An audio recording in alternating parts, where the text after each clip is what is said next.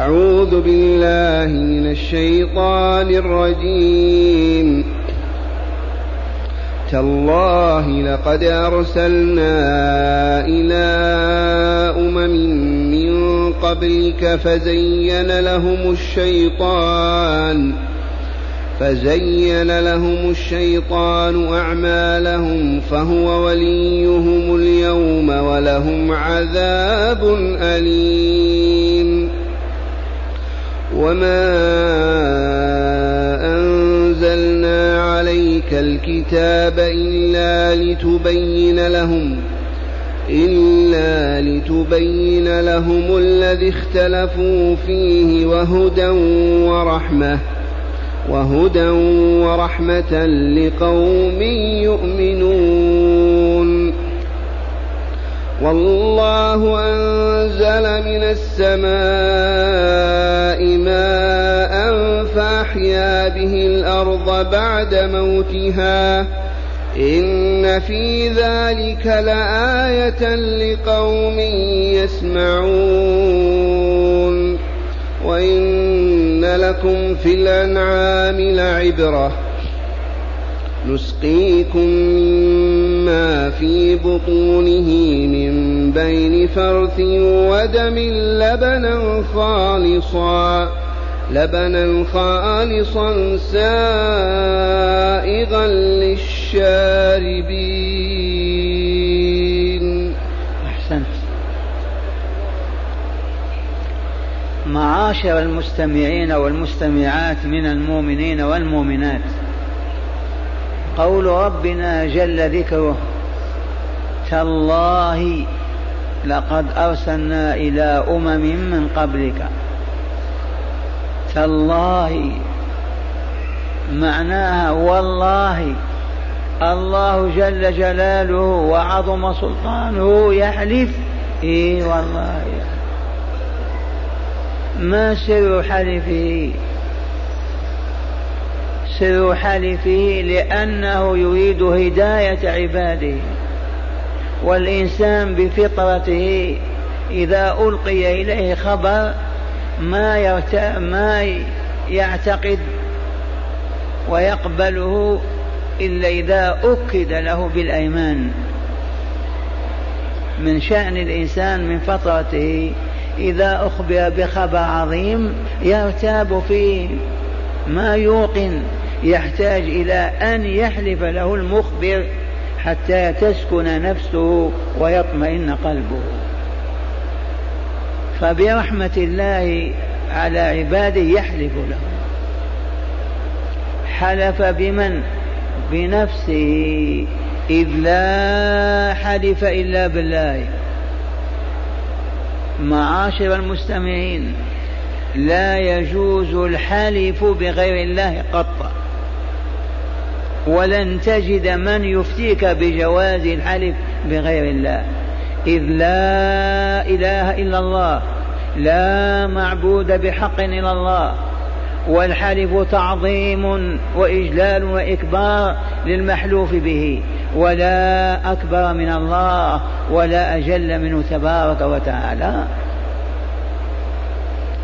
وقد كان العرب يحلفون بآلهتهم.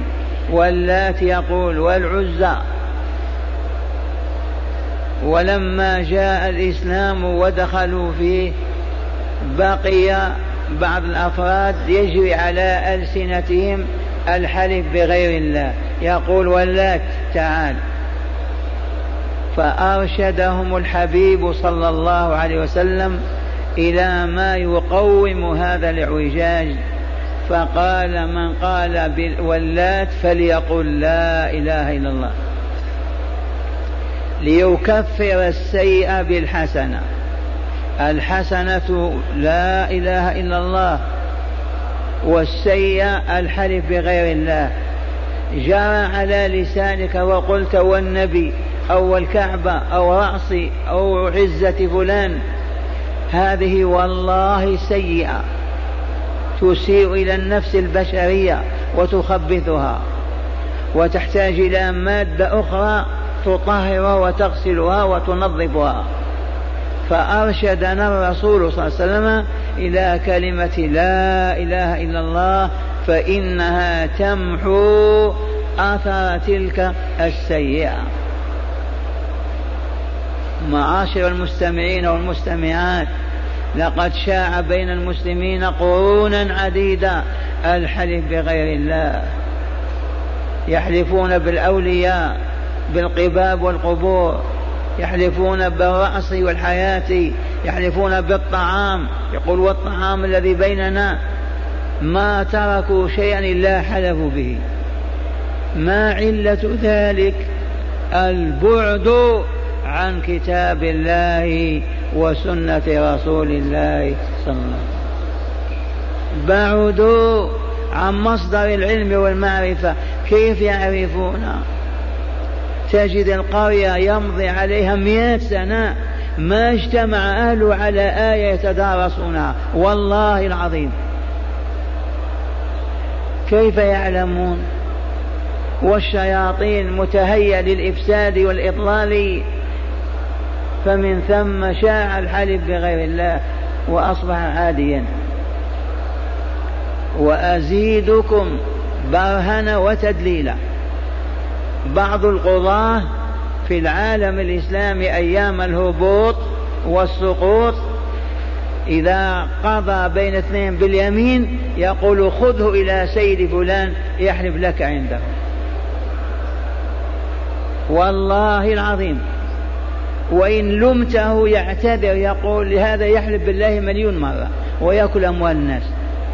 لكن إذا قلنا احلف بسيد فلان خاب ترتعد فرائصه. فنحن مضطرون أن نحلفه بغير الله. وهذا والله ما هو بعذر ما هو بعذر ما هو بعذر. على المنبر صلى الله عليه وسلم يقول ألا ألو انتبهوا. ألا إن الله ورسوله ينهيانكم أن تحلفوا بأن تحلفوا بآبائكم ومن كان حالفا فليحلف بالله أو ليصمت. ما عندنا إلا الله. لا إله إلا الله. وهذا تعالى يحلف بنفسه ويقول تالله كبالله والله من ألفاظ القسم بالله والله وتالله.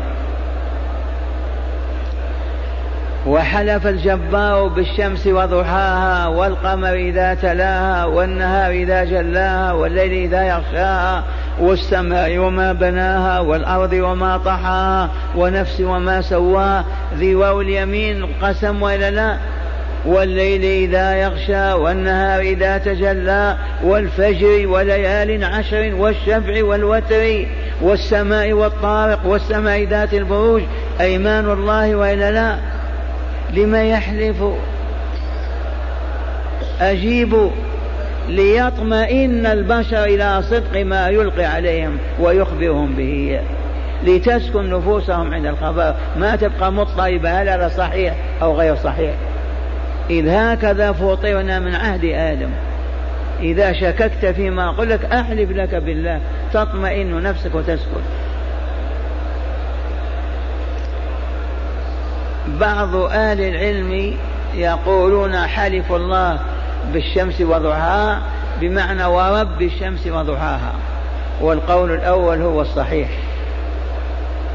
يحلف لنا بمخلوقاته إذ هو خالقها وربها من أجل أن تسكن نفوسنا وتطمئن قلوبنا إلى ما يخبرنا به.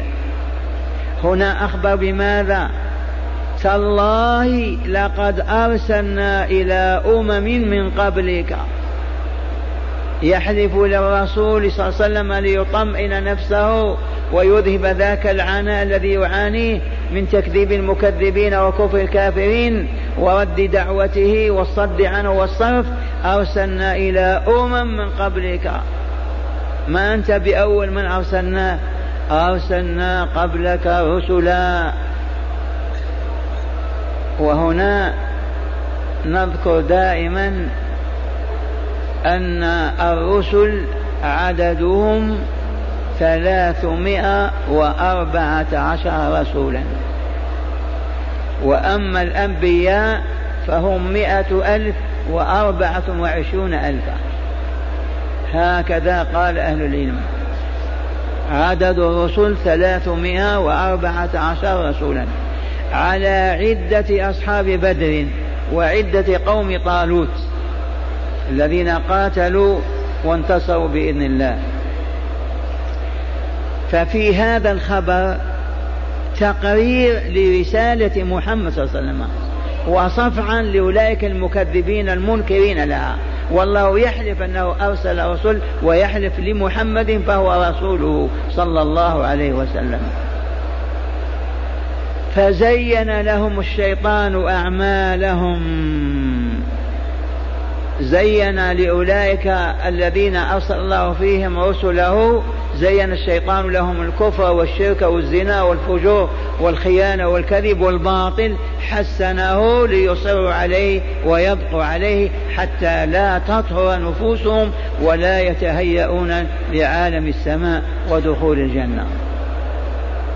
بالأمس قلت لكم إن الشياطين يريدون أن لا يدخل أحد الجنة أبدا من بني آدم. لماذا؟ لأنهم دخلوا النار بسبب آدم. قالوا إذا كيف تدخلون الجنة وأنا أدخل النار؟ إذا حلف بالله فبعزتك لأغوينهم أجمعين. فلهذا ما يسمح لأحد أن يستقيم إلا إذا قهره وجاهده. ما يريد أن يدخل الجنة أبدا. إذا فزين لهم الشيطان أعمالهم الفاسدة الشرك والكفر والكذب والخيانة وكل الأمور الفاسدة. حسنها وزينها لينغمسوا فيها ويقولوا ويعتقدوها وهو الذي حصل. إذا فهو وليهم اليوم. من ولي الكافرين؟ من ولي المشركين؟ من ولي الزنادقة والمنافقين الشيطان هو وليه. اليوم لكن يوم القيامة يتولاهم يتبرأ منهم اسمعوا خطبته في النار. يوضع له سرادق الذي يخطب عليه الخطباء في جهنم. والله بالحرف الواحد. يا شيخ كيف تحلف؟ أنت عرفت هذا؟ سمعته حضرت كيف تحلف؟ أحلف لأن ربي قد أخبر بذلك فوالله ما أخبر إلا بما هو واقع. يجب أن تكون عقيدته هكذا. قال تعالى من سورة إبراهيم المكية وقال الشيطان لما قضي الأمر إن الله وعدكم وعد الحق ووعدتكم فأخلفتكم وما كان لي عليكم من سلطان إلا أن دعوتكم فاستجبتم لي فلا تلوموني ولوموا أنفسكم ما أنا بمصرخكم وما أنتم بمصرخي إني كفرت بما أشركتموني من قبل. سبحان الله. لو تعطي مليارات تستطيع أن تأتي بخطبة يخطبها إبليس في النار؟ من يستطيع أن يأتي بهذا؟ لو تجتمع البشرية كلها تستطيع؟ الحمد لله أن رزقنا الله كتابه وبعث فينا رسوله وهدانا إلى ما فيه إكمالنا وإسعادنا. الحمد لله. خطبة إبليس مسجلة في القرآن. على سرادق من نار يخطب ليذل أهل النار ويخزيهم. ما أنا بمصرخكم تستصرخون أو تسكتون ولا أنتم بمصرخي أيضا. إذا فهو وليهم اليوم وإلا لا؟ اليوم. يحسن لهم الباطل ويزين لهم الخبث ويحملهم على الشرك والردة والكفر. هذا جهده. هكذا يقول تعالى تالله لقد أرسلنا إلى أمم من قبلك يا رسولنا يا محمد صلى الله عليه وسلم تقرير لنبوته ورسالته فزين لهم الشيطان أعمالهم الكريهة القبيحة السيئة من الشرك والكفر والمعاصي فهو وليهم اليوم ولهم عذاب أليم. ولهم عذاب أليم يوم القيامة يوم يدخلون جهنم ويستقرون في النار. عذاب أليم شديد الإيلام والوجع. خبر عظيم هذا ولا لا؟ من أخبرنا بهذا؟ الله جل جلاله. الحمد لله.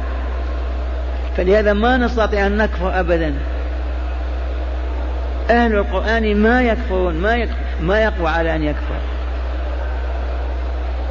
وإليكم برهنة أخرى من كتاب الله. جاء من سورة آل عمران. آل عمران من بني إسرائيل. جاء فيها قول الله تعالى يا أيها الذين آمنوا إن تطيعوا فريقا من الذين أوتوا الكتاب يردوكم بعد إيمانكم كافرين. خبر عظيم هذا. يا أيها الذين آمنوا إن تطيعوا فريقا من الذين أوتوا الكتاب يردوكم بعد إيمانكم كافرين. وكيف تكفرون؟ وأنتم تتلى عليكم آيات الله وفيكم رسوله. هذه الآية الحمد لله قرأناها ممكن آلاف المرات في هذا المسجد النبوي. ونقول إن أبناءنا الذين نبعث بهم إلى روسيا وإلى فرنسا وأمريكا وبريطانيا والصين يتعلمون يجلسون بين يد أساتذة يعلمونهم قد لا يسلمون أبدا من السقوط. أبدا. نبعث شبيبتنا ناضجة في شبابها فيجلسون أمام المدرسين أربع سنوات وهم يقررون لهم المسائل العلمية الصناعية ومن وقت إلى وقت يلدغونهم كالعقرب بكلمة تمس العقيدة وتبطل الإيمان. فقد رجعوا أكثر من درس في الخارج ورجع هابط. إيمان صوري فقط بل يسخر أحيانا ويضحك من المؤمنين. والله يقول اسمعوا يا أيها الذين آمنوا لبيك اللهم لبيك. إن تطيعوا فريقا وهم الأساتذة والمعلمين. فريق خاص ما هو عوام النصارى والكفار. فريقا من الذين أوتوا الكتاب أي اليهود والنصارى يردوكم بعد إيمانكم كافرين. أليس هذا كلام الله؟ أليس هذا خبر أخبار الله؟ أيشك في كلام الله؟ وقد شاهدنا من درسوا في الخارج ونزلوا في بلاد العرب والمسلمين يسخرون من المصلين ومن أصحاب اللحى ويستهزئون بهم. ثم قال ها هي المناعة هذه الوقاية وكيف تكفرون وأنتم تتلى عليكم آيات الله وفيكم رسوله من أين يأتيكم الكفر؟ فلهذا طالبت المسؤولين في العالم الإسلامي في رسالة وقلت ينبغي إذا انتدبنا حفنا عشرة مئة من شبابنا إلى الخارج نبعث معهم عالما ربانيا ورقيبا حفيظا عليما ثم نؤجل لهم سكن يسكن فيه مع بعضهم البعض. فيدرسون في الصباح والمساء ويعودون إلى المركز الإسلامي لتلقي الحكمة والمعرفة والمحافظة على عقائدتهم ودينهم. أما نبعث بهم هكذا يفجون أقل ما يقع الفجور. ثم يعودون كيف يحكمون البلاد؟ كيف يربون كيف يستقيمون. من أين أخذنا هذا؟ من قول الله تعالى وكيف تكفرون؟ من أين يأتي الكفر؟ وأنتم تتلى عليكم آيات الله وفيكم رسوله. فذلك المركز الذي في لندن وبريطانيا وفرنسا يجتمع فيه طلبة علم بلدنا. في الليل يجلسون مع بعضهم بعض وينامون ويتعلمون ويعبدون الله وفي النهار لا بأس يتعلمون عن الكفار مسائل دنيوية. ما يتسرب إليهم أبدا الباطل والشر. أما أن نهملهم ونتركهم أقل ما يأتون فجرا. إلا من رحم الله.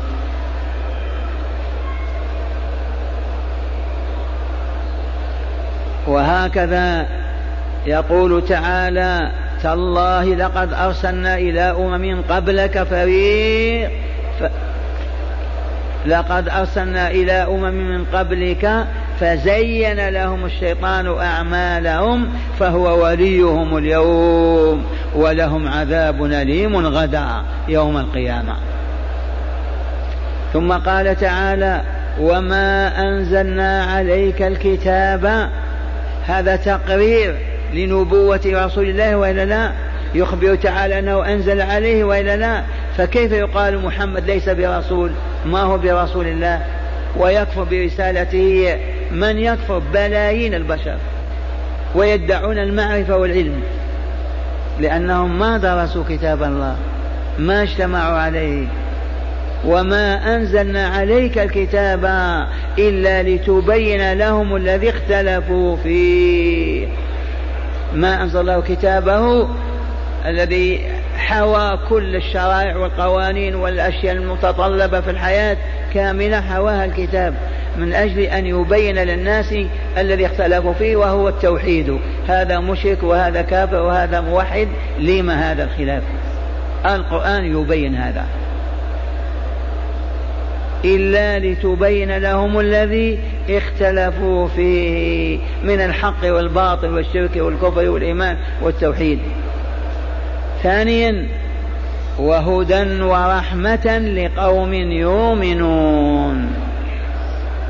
أولا الكفار المشركون الهابطون الجهلاء.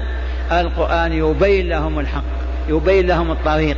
يبين لهم سبيل نجاتهم يبين لهم كيف ينقذهم من من خزي الدنيا وعذاب الآخرة. وأما المؤمنون فالقرآن هدى ورحمة لهم.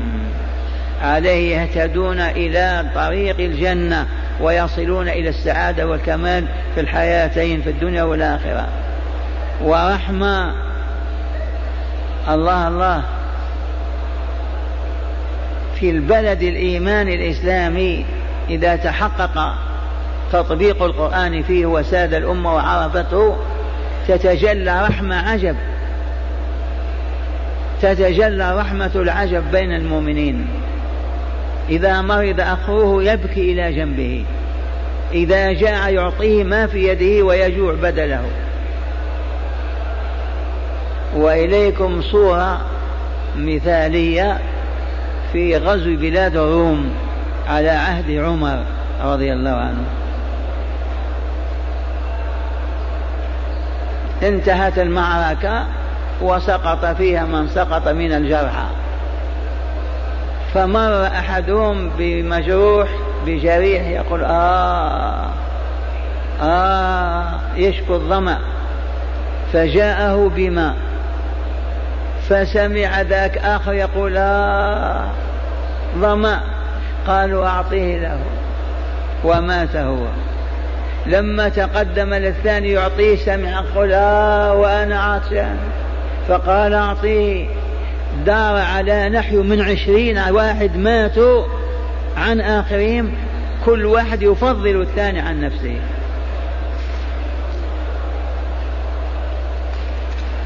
الرحمة تتجلى إذا تحقق العمل بالقرآن وساد الأمة وطابت وطهرت فوق ما تتصور الرحمة. هدى أما الضلال كيف يوجد بين أهل القرآن ضلال؟ والله ما انقسموا ولا اختلفوا أبدا ولا تنازعوا ولا تشاكموا ولا تضاربوا القرآن يهديهم يقودهم إلى الاجتماع والاتفاق والوحدة ولكن عرف العدو هذا. من العدو يرحمكم الله؟ الثالوث الأسود. المكون من ثلاث حيات المجوسية واليهودية والصليبية. عرف هذا العدو أن كمال هذه الأمة وسعادتها كمالها بالقرآن علموا أن حياتها عظمت وطهرت وسادت بالقرآن وهو والله حق. فعزموا على أن يبعدوا عنها القرآن عجزوا ما استطاعوا لأنه محفوظ في الصدور مكتوب في السطور كيف يستولون عليه ويأخذونه. إذا حولوه عنهم بأن قالوا لا تجتمعوا على تفسير القرآن إن صوابه خطأ وخطأه كفر. عرفتم هذه؟ لا يجتمع اثنان على كتاب الله. فضلا عن جماعة. لماذا؟ لأن تفسير القرآن صوابه خطأ وإذا أخطأت كفرت. فصرفوا أمة الإسلام عن القرآن. لعل الشيخ واهم زوروا القرى والمدن في العالم الإسلامي. هل تجدون حلقة كهذه يفسرون كتاب الله؟ تجدون؟ أبدا. لأن الكتاب هدى هداية ورحمة ونور وحياة. عرف العدو هذا فحولوا القرآن إلى الموتى. من أندونيسيا إلى موريتانيا غربا القرآن يقرأ بجماعة على الميت فقط. إذا كانوا من أهل السنة يعطونهم كل واحد في يده كتاب يقرأ وإذا كانوا من أهل البدع يقرؤون بصوت واحد. على أن ينقذوا الميت من النار بالقراءة فوقه. يا ليته فوقهم هو في البقيع وهم في المنزل. والشاهد عندنا في قول ربنا جل ذكره في القرآن هدى ورحمة لقوم يؤمنون. أم يكفرون؟ لا لا. الهداية والرحمة في القرآن لمن؟ نصيب من؟ المؤمنين. الصادقين في إيمانهم العالمين بربهم العارفين بشرعه.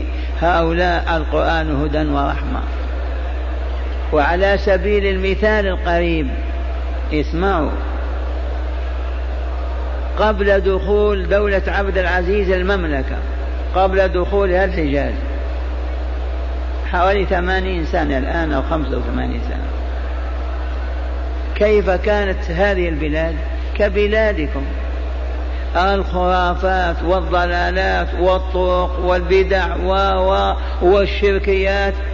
عجب. أضف إلى ذلك الإجرام التلصص والله يأخذون باب المنزل ويبيعونه في السوق ولا تتكلم يقتلك في المدينة.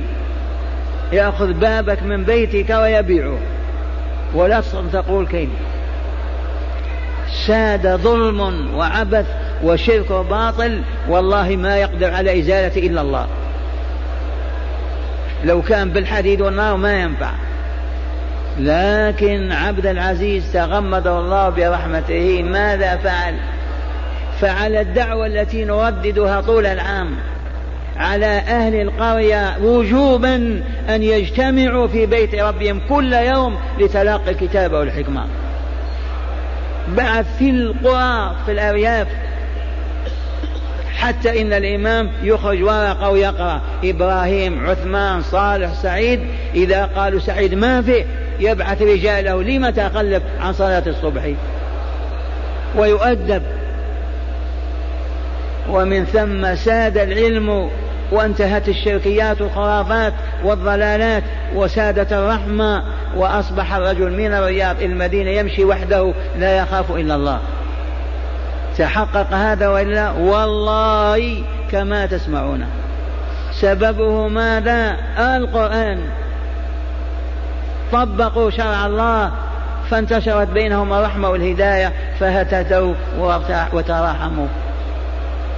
وما زال القرآن هو هكذا. لو يطبق في الصين في روسيا وفي في عاصمة الروس ما هي؟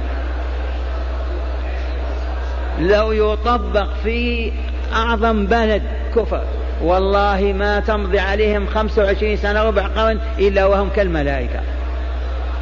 كلهم طهر وصفاء وكمال وجمال لو يطبق في قرية فقط عالم رباني يجلس في قرية ويمدون يديه يديهم إليه ويستجيبون لدعوته يعلمهم الكتاب والحكمة ما يمضي عليهم أربع وعشرين سنة خمسة وعشرين ما يبقى بينهم لص ولا مجرم ولا خائن ولا مشرك ولا خرافي ولا كذاب ولا مبتدع أبدا. وهذا الذي أخبر تعالى به قال وما أنزلنا عليك كتابا إلا لتبين لهم الذي اختلفوا فيه وهدى ورحمة لقوم يؤمنون. لقوم يؤمنون أو يكفرون؟ يؤمنون. يتجدد إيمان في كل ساعة وفي كل لحظة. الإيمان كالطاقة دائما يتجدد. ثم قال تعالى والله أنزل من السماء ماء أي المطر فأحيا به الأرض بعد موتها. هذه صفعة على وجوه المكذبين بالبعث الآخر المنكرين ليوم القيامة المكذبين بالحياة الثانية المكذبين ويقول كيف بعدما نصبح عظاما؟ هكذا في الأرض نحيا كيف نحيا؟ هاو مثل حي أنزل من السماء أي من السحاب ماء فأحيا به الأرض بعد موتها. بعدما ماتت أشجارها عشبها كل ما فيها يبس. ينزل ماء من السماء. كأربعين يوما والبلاد كلها خضراء. أعجز الله أن ينزل ماء على الأرض فننبت في القبور. حاشا وكلا. وأخبرنا رسول الله صلى الله عليه وسلم أنه بعدما تتحلل الحياة كلها وتتفكك الجبال السماوات النجوم كل ذلك إذا السماء انفطرت الكواكب انتظرت إذا البحار فجرت إذا إذا إذا تصبح الأرض عبارة عن قرص أبيض نظيف. ينزل الله من السماء ماء كمني الرجال فننبت والله في تلك الأرض العظيمة الجديدة كما ينبت البقل. الخردل والثوم والبصل. لما تكتمل أجسامنا ينفخ إسرافيل نفخة البعث من أرواحنا كل روح تدخل في جسدها. والله ما تخطئه أبدا. وإذا بنا قيام ننظر. هذا فيه رد على المكذبين بالبعث الآخر وإلا لا؟ والله أنزل من السماء ماء فأحيا به الأرض بعد موتها. إن في هذا إن في ذلك لآيات لقوم يسمعون ويستجيبون. أما الصم والبكم العمي كيف يستجيب؟ هذا الخبر الإلهي لو يعقله متعقل والله ما يكذب بالبعث الآخر. أبدا ولا ينكر. الذي أوجدنا الآن يجد يوجدنا غدا. وكل مئة سنة جيل يذهب وجيل يأتي. كيف ننكر البعث؟ والله ما كذبوا بالبعث اليوم وبعد اليوم وأمس وقبل أمس إلا من أجل أن يبقوا على كفرهم وشركهم وباطلهم وفسادهم. لا أن نفوسهم ضاقت. كيف يؤمنون بالدار الآخرة؟ وهم في دار ما أوجدتها أمهاتهم ولا آباؤهم. أوجدها الله. لما ما يوجد دار أخرى؟ كيف لا يوجد دار أخرى؟ وقد أخبر أنه أوجد. ولكن المحافظة أصحاب الربا على الربا والزنا على الزنا والشرك على الشرك والظلم على الظلم ينفون البعث والدار الآخرة. لأنه إذا آمن باليوم الآخر ينهار ما يستطيع أن يقول كلمة سوء أو يتقدم خطوة إلى باطل أو شر. لكن الشيطان زين لهم الكفر باليوم القيامة. هكذا يقول تعالى والله جل جلاله وعظم سلطانه أنزل من السماء أي من ماء من السحاب فأحيا به الأرض بعد موتها. إن في ذلك لآية لقوم يسمعون. إذا من الناس من يسمع منهم من لا يسمع. نعم. أهل الحق والمعرفة يسمعون ويستجيبون. والصم والبكم أرباب الدنيا وشهواتها ما يسمع لك أبدا. ما يسمع. ثم قال تعالى وإن لكم في الأنعام لعبرة الأنعام هي الإبل والبقر والغنم والماعز الأنعام الإبل البقر الغنم الماعز لكم فيها ماذا؟ عبرة. لمن أراد أن يعتبر من أراد أن يجوز بحر الجهل والكفر والشرك إلى بحر العلم أو شاطئ العلم والهداية هذه العبرة. عبرة ما هي؟ في الأنعام. تسقيكم نسقيكم. قراءة سبعية نسقيكم ونسقيكم. نسقيكم مما في بطونها من بني فرث وهو الزبل. من من بين فرث ودم ودم. الدم التي يدور في الكبد وتحوله والفرث الذي في في الكبش. من بني فرث ودم لبنا خالصا سائغا للشاربين. أعظم آية هذه. كيف يتحول الشعير وإلى التمر وإلى العشب إلى أن يصبح لبنا خالصا سائغا للشاربين؟ وكيف تحول بين الفرث والدم؟ مع أن اللبن غذاء الأطفال عامين. مع أن اللبن يغني عن الماء للعطشان وعن الطعام للجوعان. ولا يوجد شيء يغني عن الطعام والشراب إلا اللبن فقط.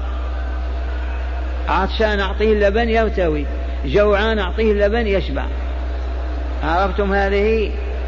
ولهذا كان الحبيب صلى الله عليه وسلم يقول إذا جاء الطعام يقول اللهم باركنا في طعامنا هذا وزدنا خيرا منه.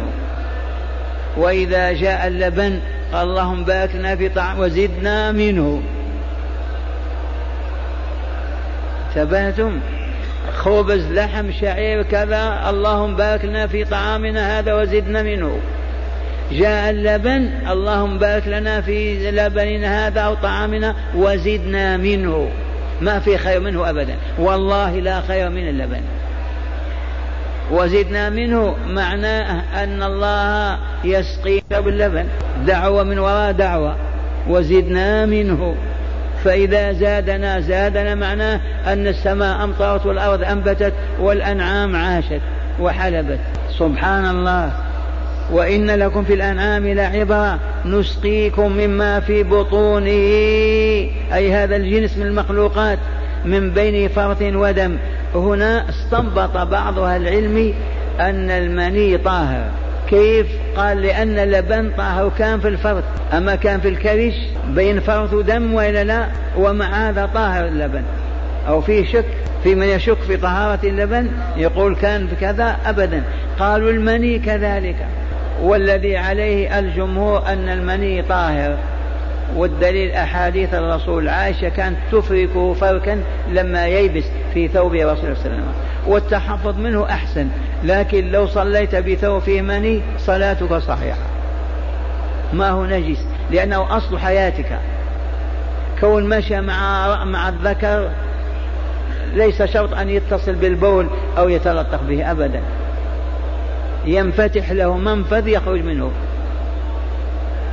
والشاهد عندنا في هذه الآيات الدالة على الدار الآخرة.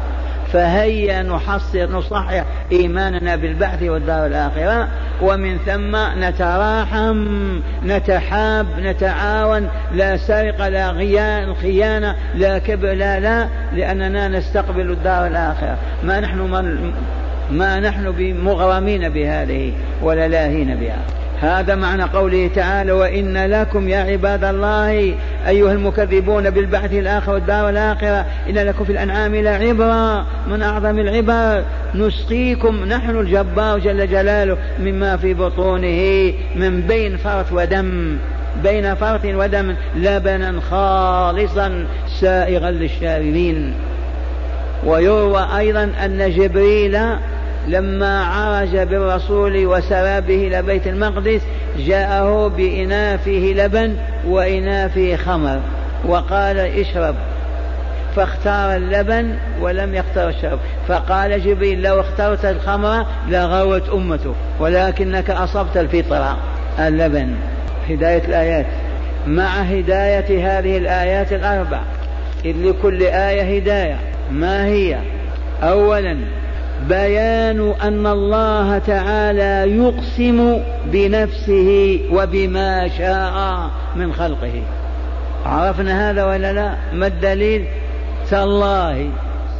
الله يقسم بنفسه وبما شاء من خلقه والشمس وضحاها والفجر وليال عشر دل على هذا قوله تعالى تالله لقد أرسلنا. ثانيا بيان أن الله أرسل رسلا إلى أمم سبقت وأن الشياطين زين له وأن الشيطان زين لهم أعمالها فخذلها. ما استجابت لنوح ولا لعيسى ولا لموسى ولا لمحمد صلى الله عليه وسلم. الشيطان زين لها عملها التي تعيش عليه من الشرك والكفر والباطل فأبت الحق ورفضت دعوة التوحيد. فلا تحزن يا محمد ولا تكرب لست وحدك كذبت. فيه تسلية للرسول وإلا لا؟ أنتم ما تشعرون بألم الرسول وهو يواجه البشرية كلها مأمور أن يبلغها وهي تلوي رؤوسها وتسب وتشتم. والله قالوا ساحر شاعر مجنون. كيف؟ لولا أن الله عز وجل يسليه ويصبره ويقويه ما يستطيع. جرب نفسك أنت في عائلتك بس. ادعو كما كان محمد يدعو. وانظر ماذا يحصل لك. ثالثا تقرير النبوة وتسلية رسول الله صلى الله عليه وسلم من جراء ما يلقاه من المشركين من العنت والعناد والمشاغبة. منين أخذنا هذا؟ أرسلنا. رابعا بيان مهمة رسول الله صلى الله عليه وسلم وأنها بيان ما أنزل الله تعالى لعباده من وحيه في كتابه. ذي مهمته لتبين للناس لا لتهديهم لتبين للناس ما نزل إليهم. خامسا بيان كون القرآن الكريم هدى ورحمة للمؤمنين الذين يعملون به. والآن العالم الإسلامي يؤمن بالقرآن طبقوا شيئا فهم في الهبوط. النار تأكلهم خامسا دعني أعيده. خامسا بيان كون القرآن هدى ورحمة للمؤمنين الذين يعملون به وإلا يؤمنون به فقط. لو ما يطبق في قرية والله ما يسعد أهلها ولا يكملون. فضلا عن إقليم وإلا دولة.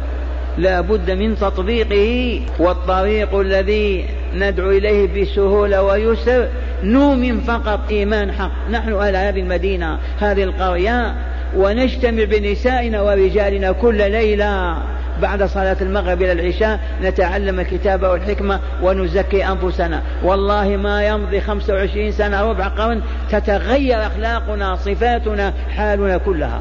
وإن كان يحكمنا اليهود والنصارى. أقسم بالله. لكننا معرضون. سادسا دليل البعث والحياة الثانية هو إحياء الأرض بعد موتها. فالقادر على إحياء الأرض بعد موتها قادر على إحياء الأموات بعد فنائهم وبلاء وبلاهم وبلاهم أليس كذلك؟